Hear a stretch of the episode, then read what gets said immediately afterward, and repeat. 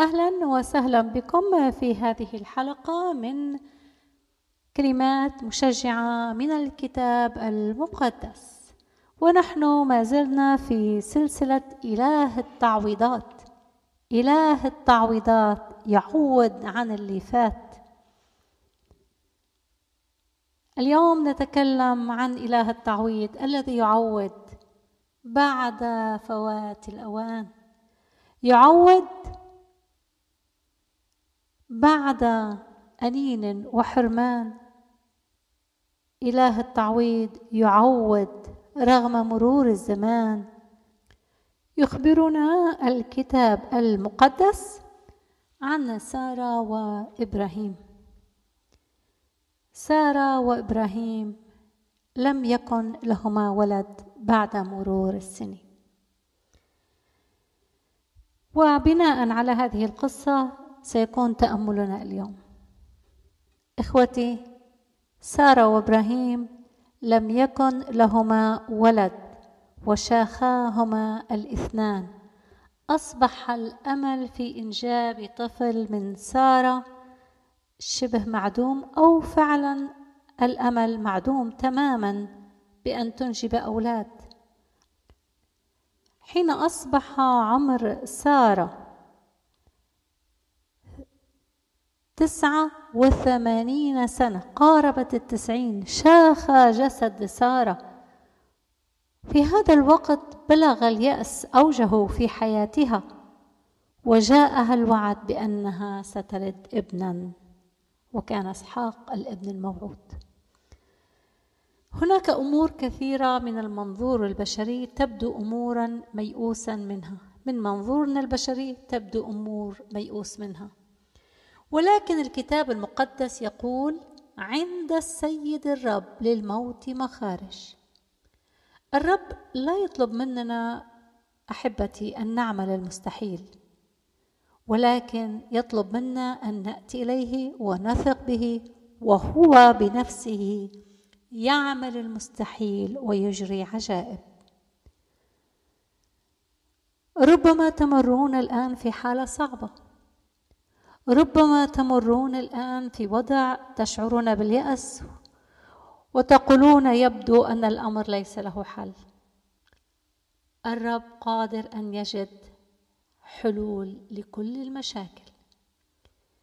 إخوتي كما نعلم أن الرب استطاع أن يجد حلا لأكبر مشكلة واجهت البشرية ألا وهي مشكلة سقوط الإنسان في جنة عدن في الخطية. إن كان الله قادر أن يجد حلا لمشكلة الخطية أليس قادر أن يحل كل المشاكل الباقية؟ نعم هو قادر. نعم هو قادر على كل شيء. كيف حل الرب مشكلة الخطية؟ الأولى التي سقط بها آدم وحواء وجلبوا لنا العقاب والألم بسبب هذه الخطية.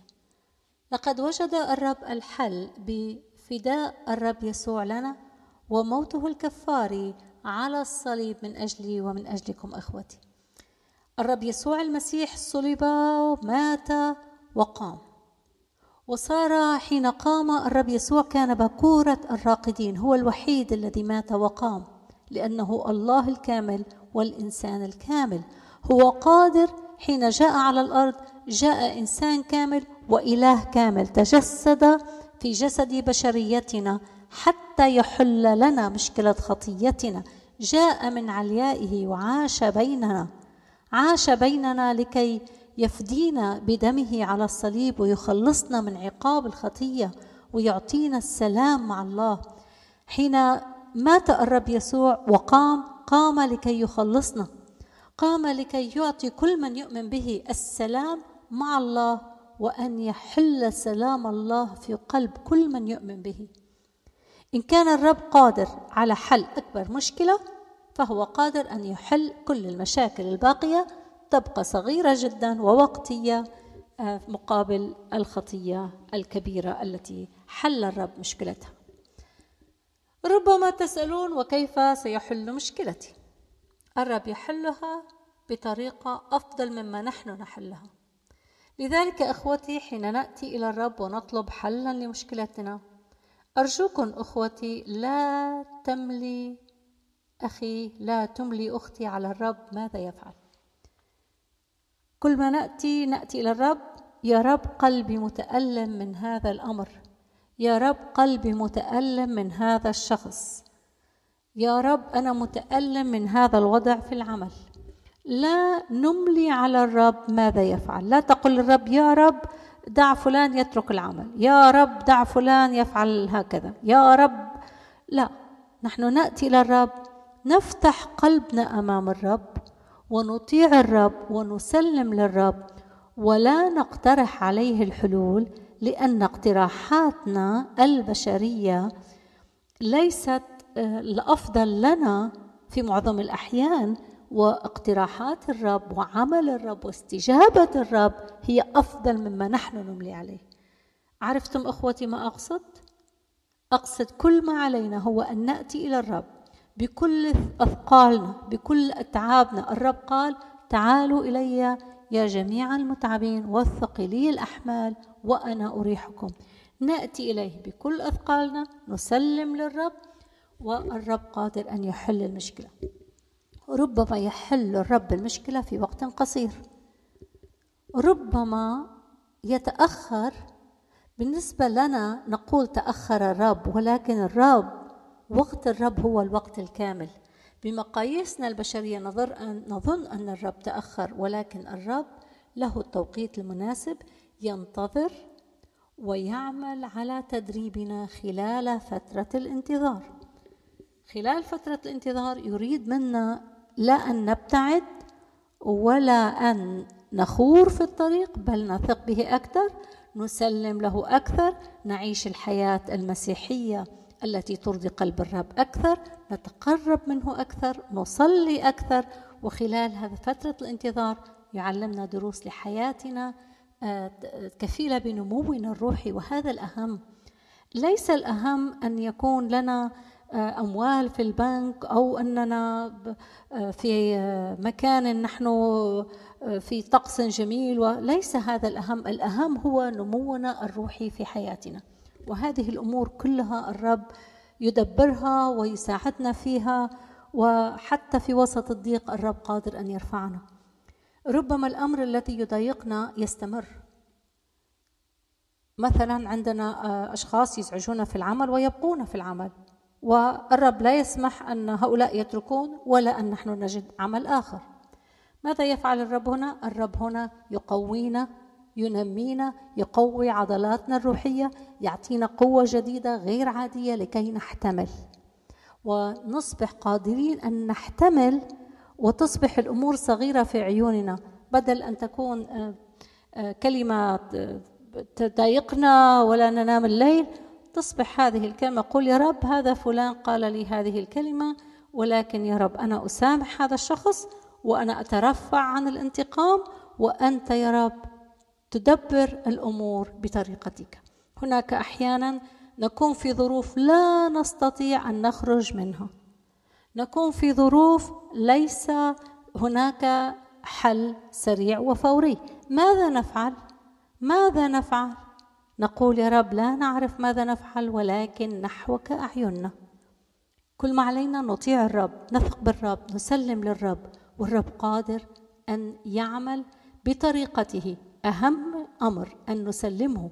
نقرأ كلمة الرب نقرأ الإنجيل المقدس نأخذ قوة من حياة يسوع من محبة يسوع. نتعلم التسامح نتعلم الاحتمال ولكن هذا ليس فقط اقتراحات وليست وصايا فقط نعملها بقوتنا ولكن هذه الأمور نعملها بقوة روح الله الذي يسكن فينا حين نأتي إلى الرب يسوع مخلصا شخصيا لحياتنا.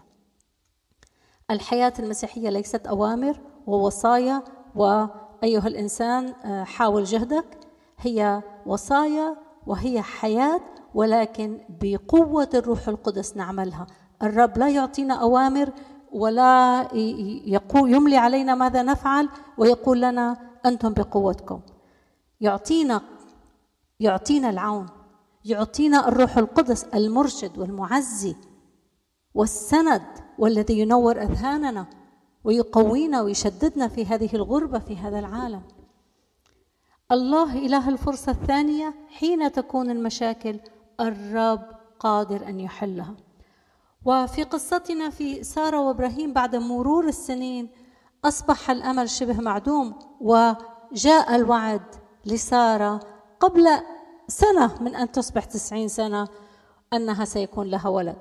فحين سمعت هذه الوعود هذا الوعد قالت ضحك يقول الكتاب المقدس في سفر التكوين 18 فضحكت سارة في باطنها قائلة أبعد فنائي يكون لي تنعم. وسيدي قد شاخ. تقول أن إبراهيم قد شاخ يعني كأن هذا يعني أنا فنى جسدي وسيدي قد شاخ. إذا الأسباب آه، من الجهتين لا يمكن أن يكون لي ولد. وكما نجد أن هذا الجواب الذي قالته سارة وضحكت في قلبها هو يدل على عدم إيمانها بالوعد. ولكن فيما بعد يبدو وواضح جدا من الكتاب المقدس أن سارة آمنت فيما بعد وبسبب إيمانها أخذت القدرة لإنشاء نسل كما يخبرنا سفر العبرانيين في العهد الجديد.